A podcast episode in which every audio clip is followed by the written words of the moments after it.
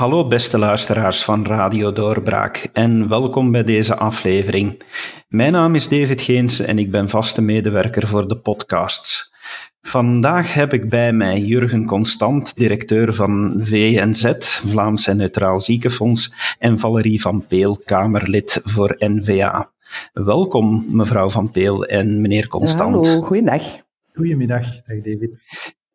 Vandaag is de bedoeling dat we even gaan praten over ziekenfondsen. En ik wou beginnen met een algemene vraag. En ik ga die in de eerste plaats eh, richten aan meneer Constant als algemeen directeur. Is van, ja, wat is nu eigenlijk nog vandaag het van een ziekenfonds? Ja, een ziekenfonds doet veel meer dan gewoon doorgeefluik zijn, uiteraard. Een ziekenfonds staat heel dicht bij de mensen.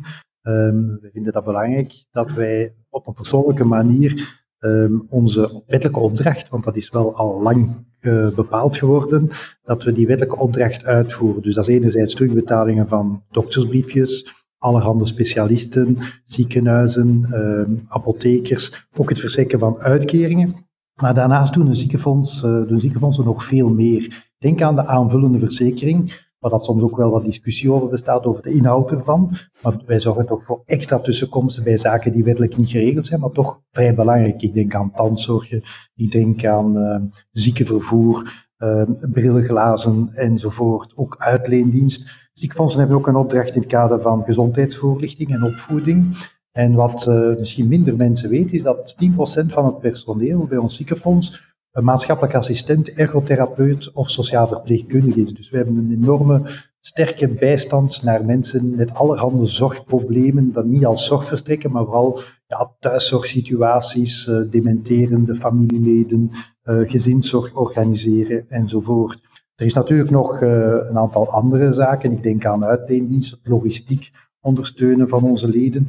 En sinds kort, uh, op initiatief ook van minister De Blok en de vorige federale regering, wordt ook enorm ingezet op reïntegratie van mensen die langdurig ziek zijn.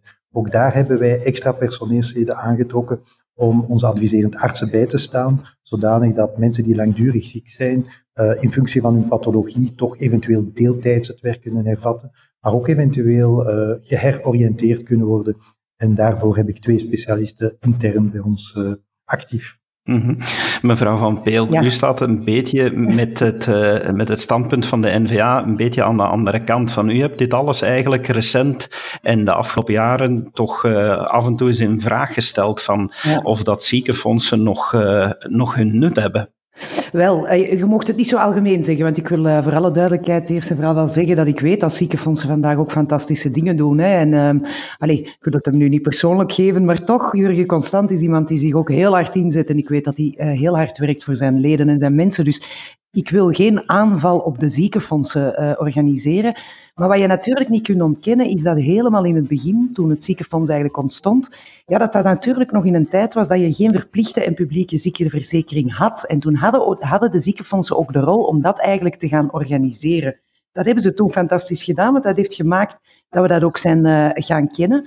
Maar na de Tweede Wereldoorlog is dat natuurlijk voor een deel geïnstitutionaliseerd, is dat in het overheidsapparaat terechtgekomen.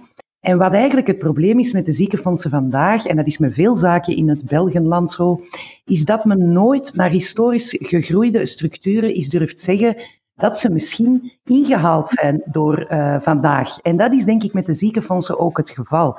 In het beste geval zou je eens terug met een wit blad moeten kunnen beginnen. Dat zou ik trouwens in België met heel veel zaken willen doen, maar ook met de ziekenfondsen. En moet je eens gaan zien van wat moet hun rol vandaag nog zijn. En dan heb ik Jurgen er juist heel veel interessante dingen horen uh, noemen, zoals de maatschappelijke assistenten die werken en die ook echt adviseren, mensen begeleiden, die het soms ook moeilijker hebben om uh, hun weg te vinden in dat moeilijke zorglandschap en zo.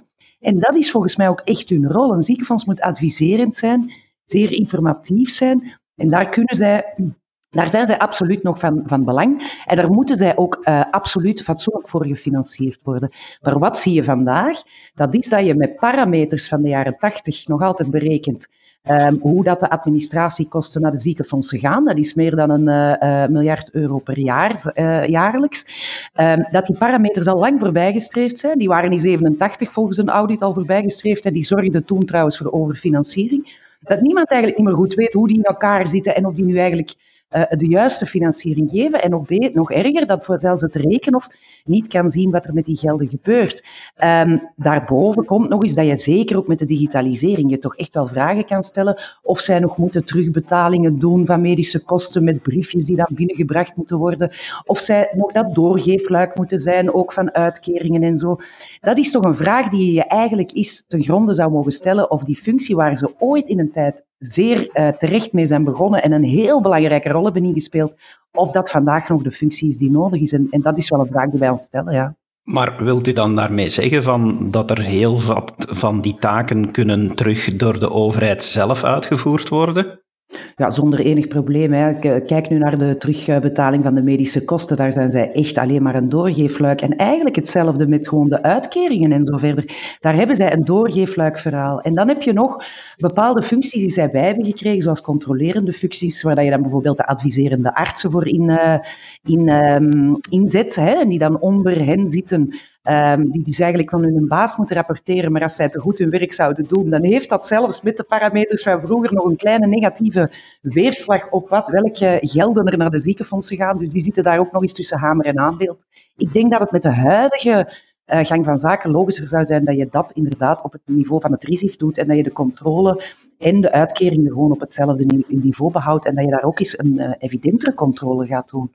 Want bijvoorbeeld, want dat gaat Jurgen zeggen, er zijn heel veel controlemechanismen, dat klopt ook wel, maar uit de audit van het rekenhof blijkt dat die om te, om te beginnen niet altijd toegang hebben tot de gegevens die ze nodig hebben en dat bijvoorbeeld wat betreft de interne um, controle die elk landsbond eigenlijk zou moeten hebben, dat daar niets van bestaat. Het Rekenhof heeft dat opgevraagd en er zijn geen uh, duidelijke plannen van de verschillende ziekenfondsen en landsbonden waarin staat hoe zij die controle eigenlijk doen. Dus dat zijn toch wel, ja, dat zijn toch wel vragen waar dat je toch eens een antwoord op moet uh, geven. Hè?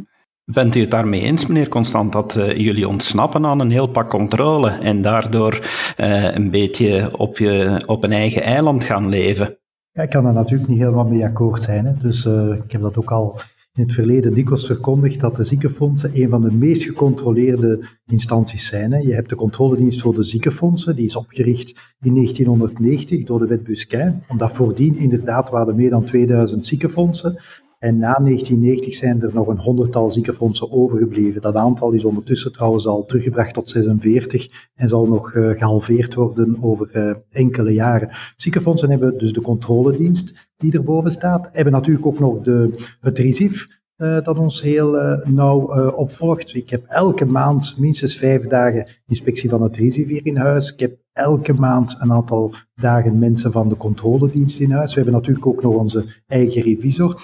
Maar het klopt wel wat uh, Valerie zegt, is dat er een inhaalbeweging nodig is. En die is trouwens al bezig. Hè. De papieren tijgers die wij nu moeten ontwikkelen in functie van allerlei charters, gedragscodes, controles, uh, interne audits, dat neemt zienderogen toe.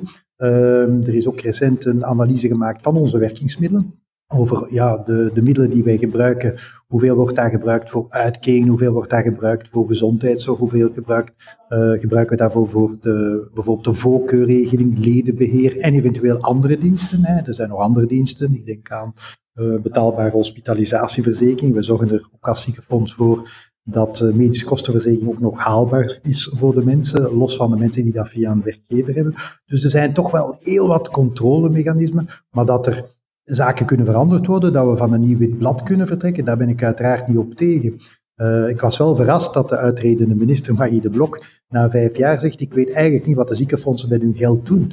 Uh, als je vijf jaar bevoegd minister bent voor sociale zaken mm. en je weet nog niet wat de grootste actor in het veld voor sociale zaken, wat de ziekenfondsen toch zijn, met dat geld doen.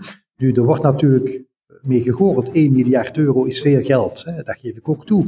Maar dat is eigenlijk maar 3%, maar 3% van de omzet die wij realiseren aan de terugbetaling van uitkeringen is goed voor jaarlijks 9 miljard. De gezondheidszorg 28 miljard. En er wordt dan gezegd, ja, maar dat moet gedigitaliseerd worden. Wel, ik werk, ik werk al van 1991 in het ziekenfonds. En ik dus als 28 jaar lang. Ik hoor al 28 jaar dat er gaat gedigitaliseerd worden. Ik heb in 2012 aangekondigd dat in 2016 de doktersbriefjes verleden tijd zouden zijn. Dat was het plan toen. wel, er zijn nog altijd doktersbriefjes. Dit jaar hadden de tandartsen al gedigitaliseerd moeten zijn, de specialisten nog altijd niet. Op dit ogenblik is ongeveer de helft van de huisartsen zijn gedigitaliseerd. En er is een stappenplan gemaakt tegen 2023. Dan zouden wellicht de laatste gedigitaliseerd zijn, maar dat plan wordt elk jaar opgeschoven. Maar nog eens, onze rol verandert en de financiering kan herbekeken worden. Uh, maar wij doen het zeker niet met te veel geld. Hè. Uh, ik wil toch een voorbeeld geven. Uh, door de besparingen die de overheid al heeft uitgevoerd op onze werkingsmiddelen.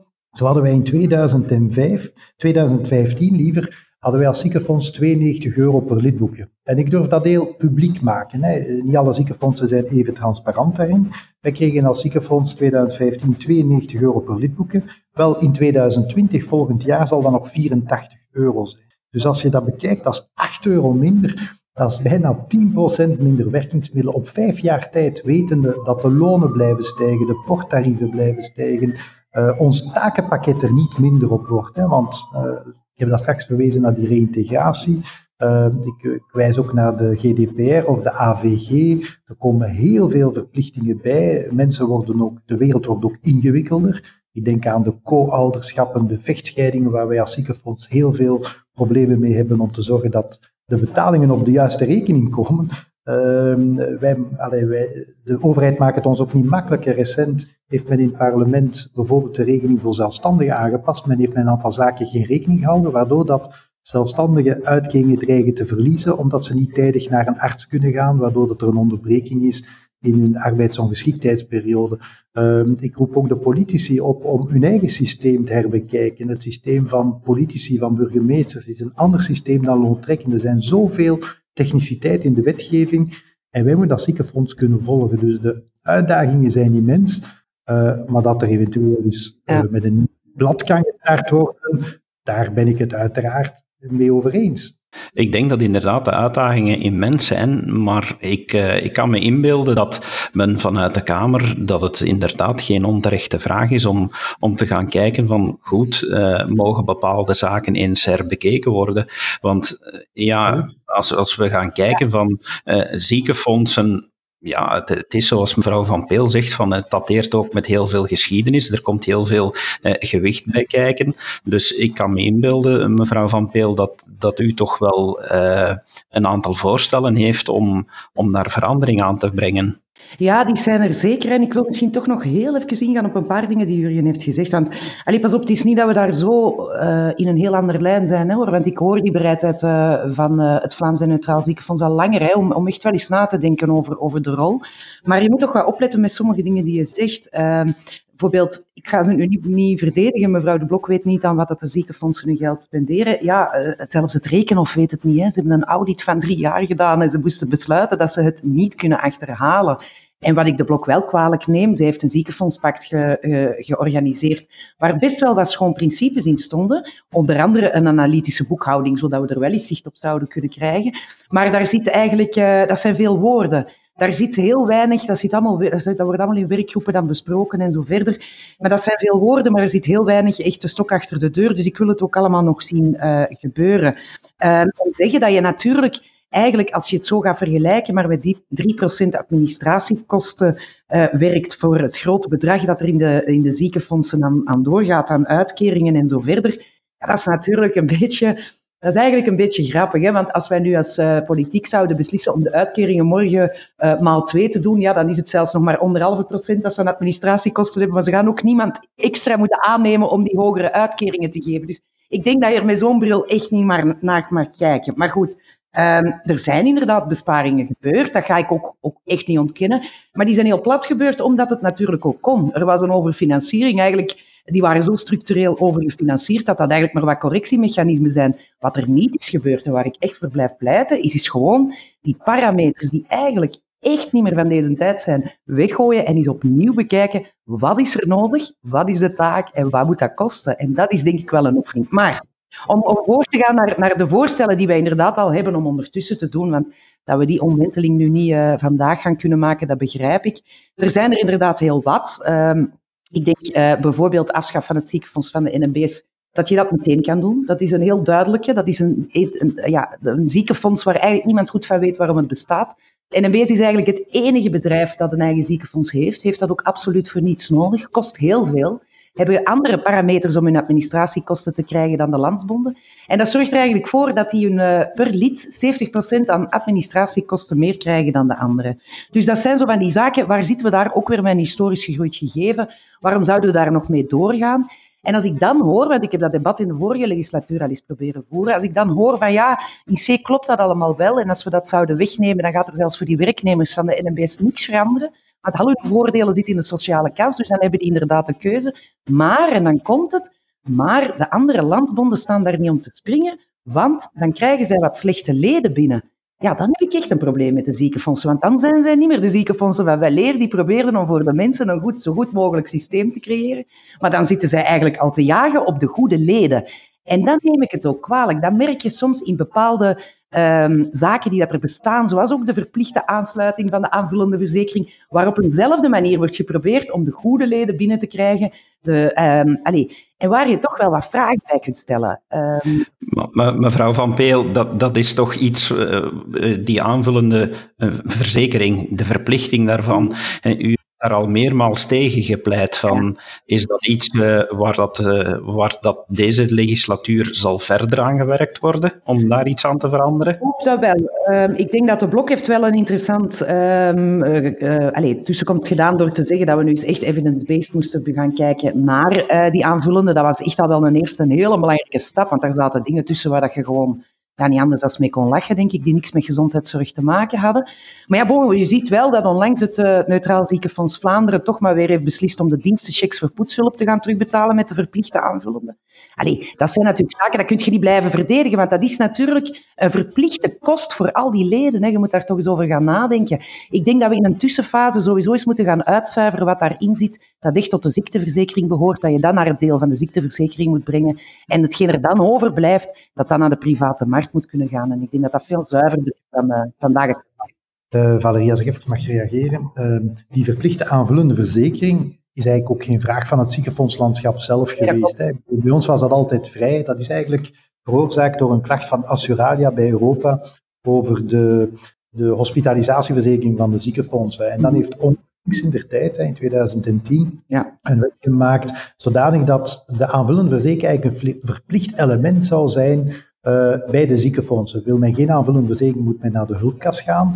Wil men wel een aanvullende verzekering, wil men eraan bijdragen, ja, dan kan men bij het ziekenfonds zijn. Wij zullen zelfs als ziekenfonds verplicht worden, uh, eind dit jaar, alle wanbetalers, en we hebben toch 3, 4 procent van onze leden die dat niet betalen, ja. om die aan te schrijven met aangetekende brieven dat wij ze voor de aanvullende verzekering. Eigenlijk een totale Kafkaiaanse toestand, want voor de verplichte ziekteverzekering kunnen ze perfect uh, bij ons lid blijven. Dus dat is één. Wij zijn geen vragende partij. Ik had liever gehad dat dat uh, vrijwillig bleef. In de praktijk, bij alle ziekenfondsen, merken we dat er enkele procenten geen aanvullende verzekering betalen. En daar zijn ook zelfs communautaire scheeftrekkingen. In Wallonië betaalt men nog minder gemakkelijk aanvullende verzekering dan in Vlaanderen. Het tarief is in Wallonië trouwens merkelijk hoger. Hè. We hadden het gemiddeld in Vlaanderen rond de 90 euro per een lidboekje is, zal dat in Wallonië rond de 120, 130 euro per lidboekje zijn. Heeft ook te maken dat bijvoorbeeld in de aanvullende verzekering men in Wallonië het remgeld terugbetaalt. Voor, ah ja, ja.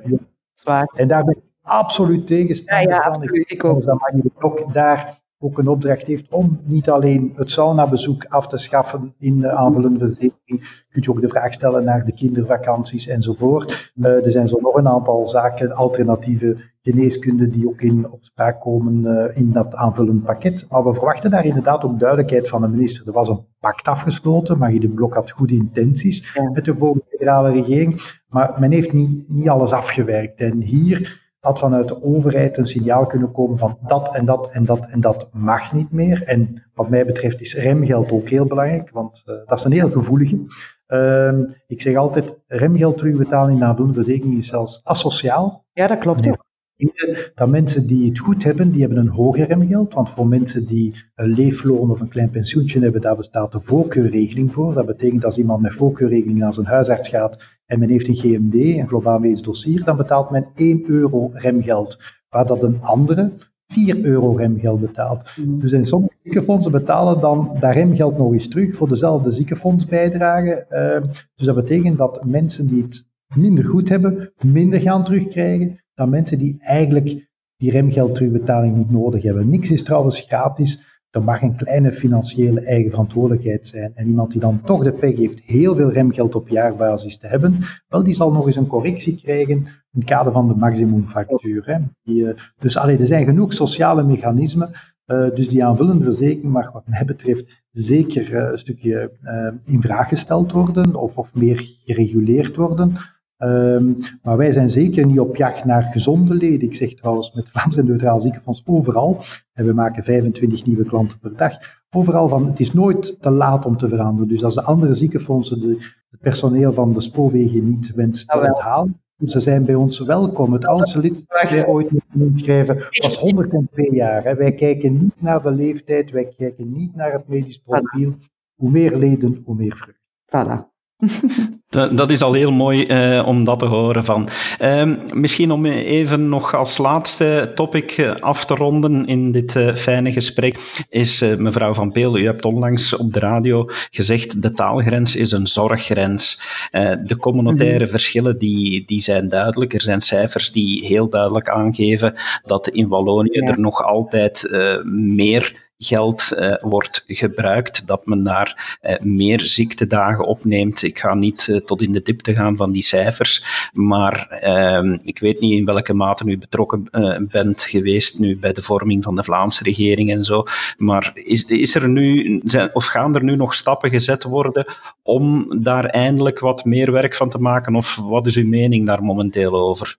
Ja, ik denk dat die mening wel bekend is en uh, stappen gezet worden. Zeker zal vooral bij de federale uh, onderhandelingen zijn dat we dat toch weer eens uh, op tafel gaan proberen leggen. Hè. Er zijn heel wat argumenten om de, om de gezondheidszorg te splitsen. Um, er is gewoon een heel andere visie langs de twee kanten van de taalgrens. Ik ben nogal overtuigd van de Vlaamse visie. Ik denk dat die aan de Waalse kant eigenlijk vooral uh, uh, heel veel geld kost en niet zo'n goede gezondheidszorg uh, met zich meebrengt. Maar goed, dat mag. Dat, daarom ben ik ook een confederalist. Zij mogen een ander beleid voeren, maar ik ben het wel beu dat die rekening natuurlijk wel terug bij de Vlamingen komt. Hè. De artsenquota was daar trouwens een heel mooi dossier in natuurlijk waar dat men in Wallonië al twintig jaar een teveel aan artsen laat over, uh, afstuderen, waardoor dat er een enorme overconsumptie uh, uh, heerst.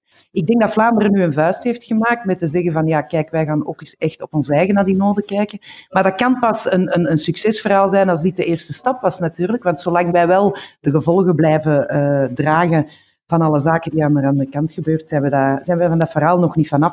Maar dat gaat over veel meer en daar weet jullie denk ik ook heel veel van. Dat gaat ook over de netwerkvorming bijvoorbeeld van de ziekenhuizen, die in Vlaanderen echt wel een doorstart heeft gekend.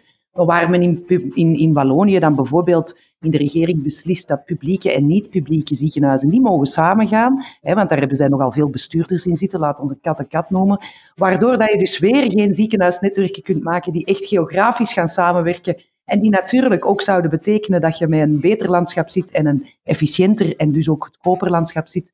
En terwijl dat in Vlaanderen dus wel gebeurt. Ja, er zijn zoveel voorbeelden te noemen en redenen te noemen waarom dat je die gezondheidszorg echt naar de deelstaat moet brengen. Trouwens, zorg hoort zo dicht mogelijk bij de mensen te zitten, denk ik. Um, dat dat iets zal zijn dat terug op tafel komt, absoluut.